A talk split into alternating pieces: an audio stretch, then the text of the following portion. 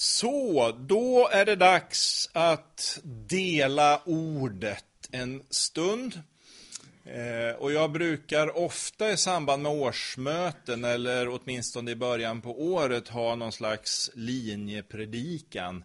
Eh, det blir väl det här på ett sätt men ändå inte riktigt för tiden räcker inte till att fördjupa sig, alltså att på något sätt slå an tonen för kommande förkunnelse. Men jag vill röra vid det som är hjärtat och centrum i församlingen, hjärtat och centrum i det som vi kallar för predikan och som jag nästan faktiskt varje söndag jag står här rör vid. Eh, och det här började egentligen i onsdags kväll jag stod hemma i köket och grubblade över både det ena och det andra i livet. Jag var upptagen av två oerhört viktiga saker. Det ena var kvällskaffet. Jag var tvungen att få till en kaffeslick innan jag skulle förgås där. Eh, och sen så hade mina tankar börjat röra sig kring den här söndagen och, och funderingar kring vad vill Gud att jag ska säga här idag? Det är ju lätt att man frestas och, och, och liksom gå på sitt eget. Och det kan man väl få göra ibland, men jag tror att det är viktigt att ändå söka Guds ledning i att få det där specifika tilltalet som han många gånger har. Och då slog det in i mitt hjärta, eller jag närmast drabbades av en tanke och ett Guds ord. Och det är Paulus som skriver till församlingen i Thessalonika. Eh, de är lite frågande inför de här frågorna om livet och döden och evigheten.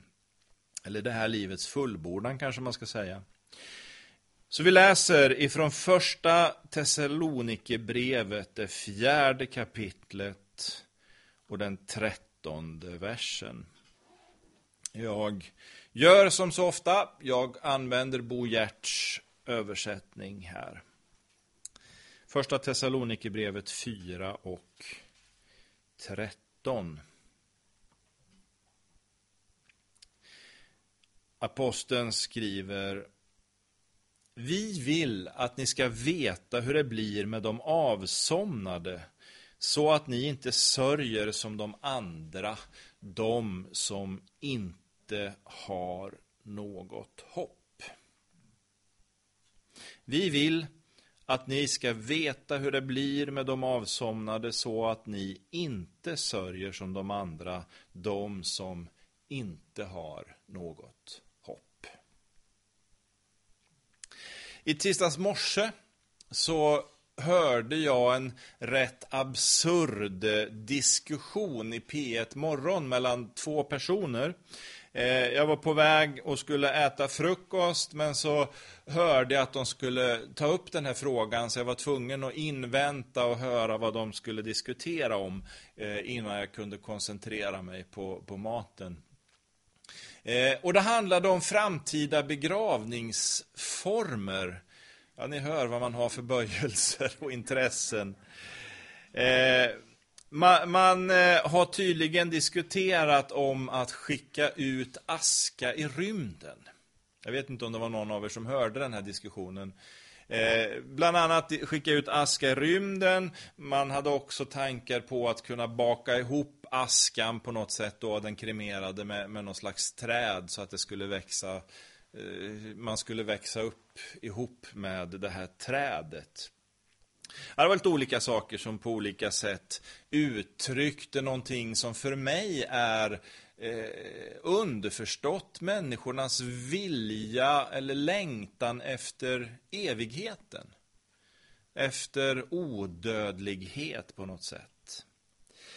Eh, och när jag började jobba lite mer intensivt inom begravningsbranschen och då kanske framförallt de här borgerliga begravningarna så slogs jag av den enorma skillnaden som det är att befinna sig i en borgerlig begravning och att befinna sig i en begravning i vår frikyrkliga miljö. Jag kan inte säga en kristen begravning för många begravningsgudstjänster är nästan borgerliga idag. Men där församlingen som samlas för att minnas och hedra minnet också har den här tron och tanken om att det finns ett evigt liv.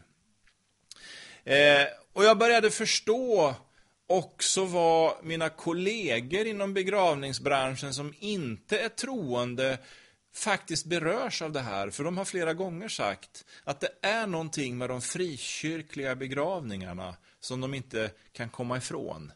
De berörs av att det finns någonting där som de saknar i alla andra begravningar. Jag vet inte om jag någon gång här har citerat den irländske dramatikern Samuel Beckett. Han har skrivit en eh, pjäs eller ett drama som heter I väntan på Godot. Kanske att någon har, har stött på det här. Ett rätt märkligt och, och delvis absurt eh, drama där man får följa ett par som sitter och diskuterar i dikesrenen. De väntar på Godot, men de vet inte vem Godot är och de vet inte om eller när han kommer. Så det är liksom en ganska eh, tom bas egentligen. Och, och det finns ju många tolkningar kring, kring det här. Men eh, när de nu sitter och, och, väntar så är det en av rollfigurerna som på, på något sätt uttrycker den här eh, rätt bizarra synen på livet som, som Samuel Beckett då drivs av i den här tanken och sökandet efter Gud som man inte vet finns eller hur den nu är säger den här rollfiguren ungefär så här om livet, att det är som en kvinna föder gränsle över en grav. För ett ögonblick blir det ljust och sen är det mörkt igen. Det är en klassiker.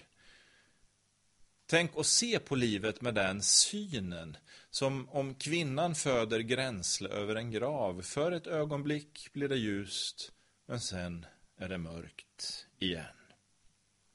Kanske att man kan le lite åt det tragikomiska i en sån replik. Men tänker man bortom den så är det ju rätt hemskt egentligen att det finns människor som inte har något hopp om en framtid. Man tror att allt handlar om här och nu och man förstår väl då kanske den här paniken som folk kan få i detta att uppleva allt man bara kan här och nu.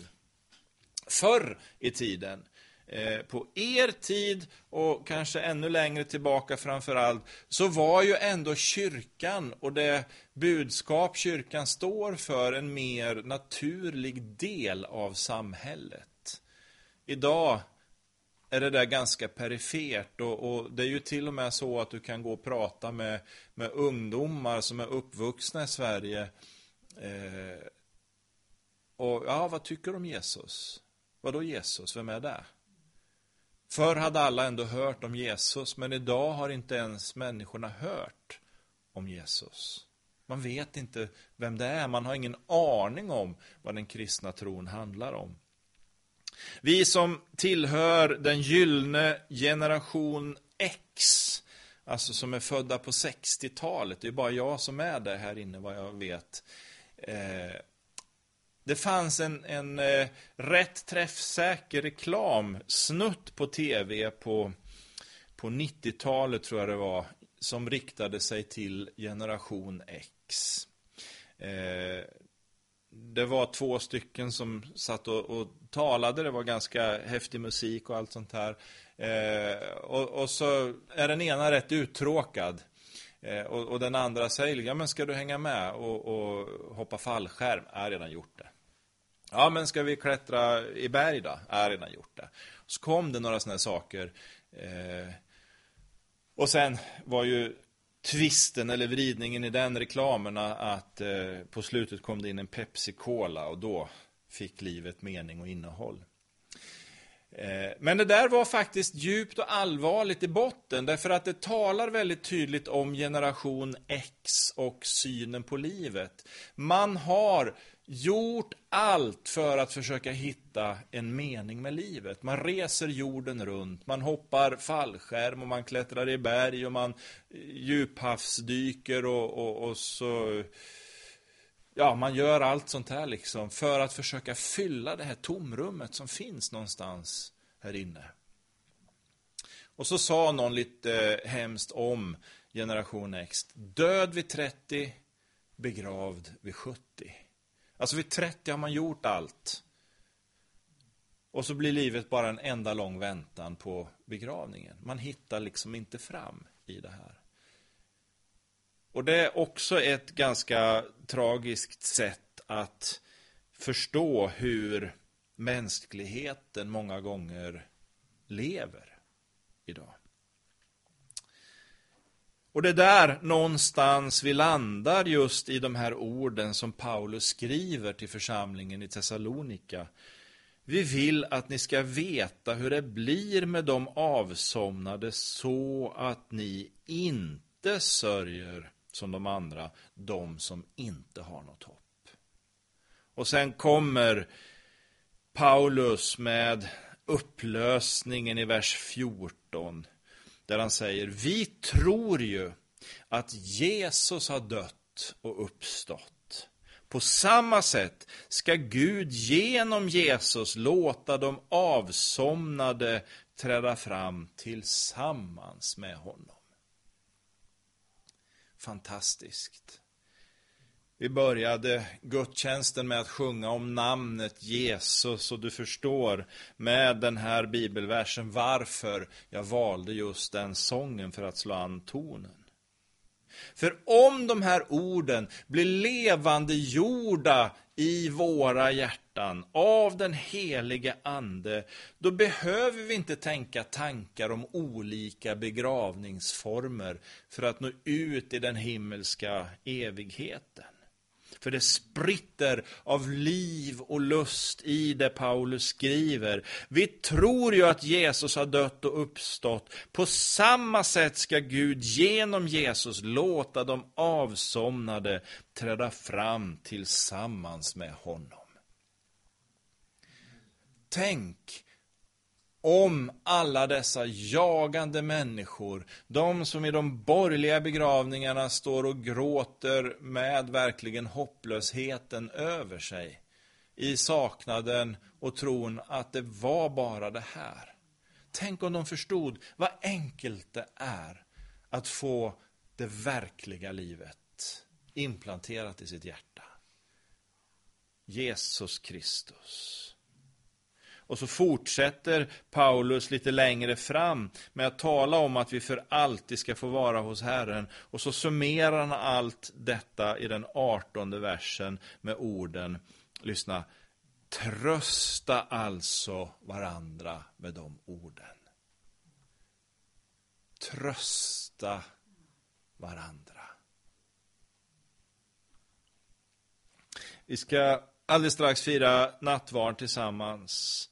Och det är en helig stund där vi konkret får samlas kring kärnan i det här budskapet om Jesu död och uppståndelse. När gåvorna delas ut i tanken att det är Kristi kropp och blod som har getts för oss.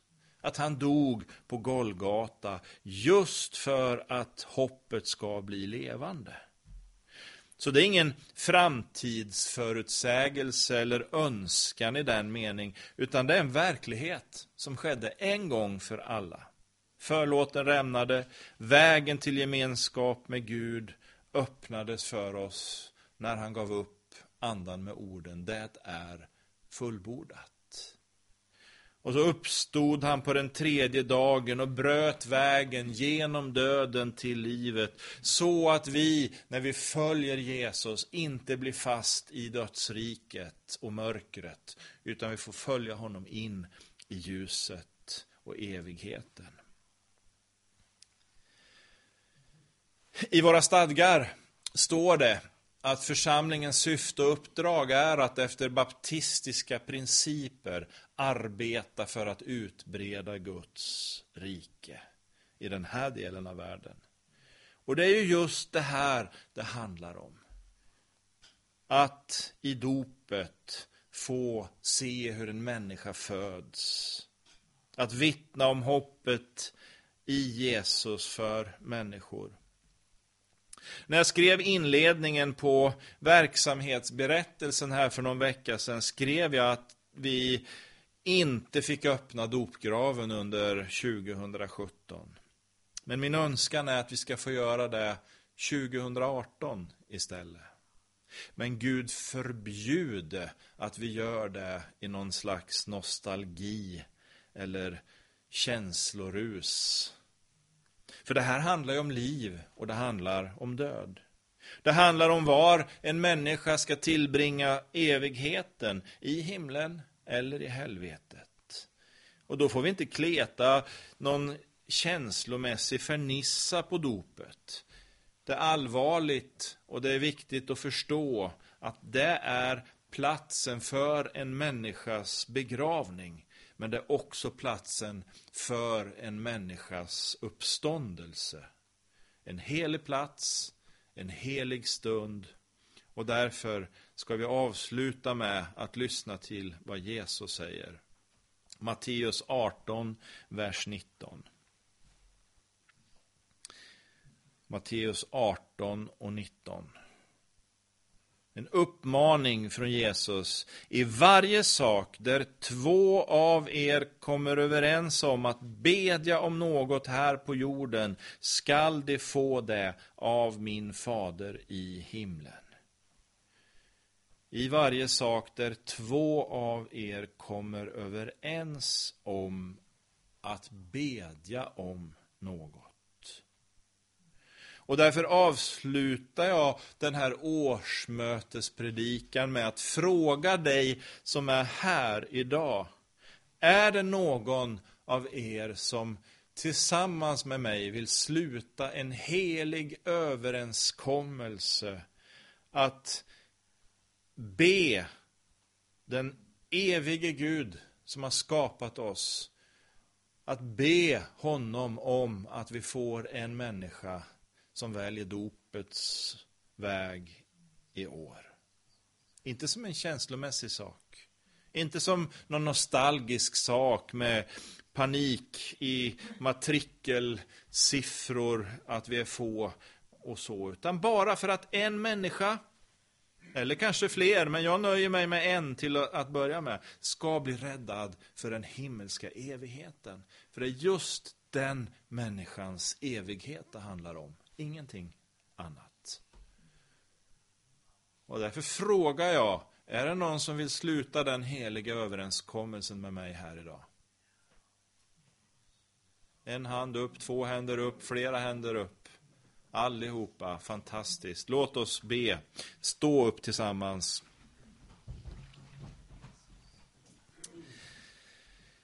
Helige Gud, du ser att vi i den här stunden har slutit en helig överenskommelse inför ditt ansikte, Fader. Och vi har gjort det därför att vi vet att ditt ord är sant. Och vi har just läst det löftet, att det människor kommer överens om inför dig, det ger också du. Och därför ber vi, Herre, för en människas skull, för en människas eviga väl, Herre, att du ska visa oss vägen till den människans hjärta. Låt det stå klart och tydligt, så att vi går den vägen som du har förutbestämt. Och vill du att vi ska möta fler i det, så visa oss det också, Herre. Men jag börjar med en. Att vinna en för dig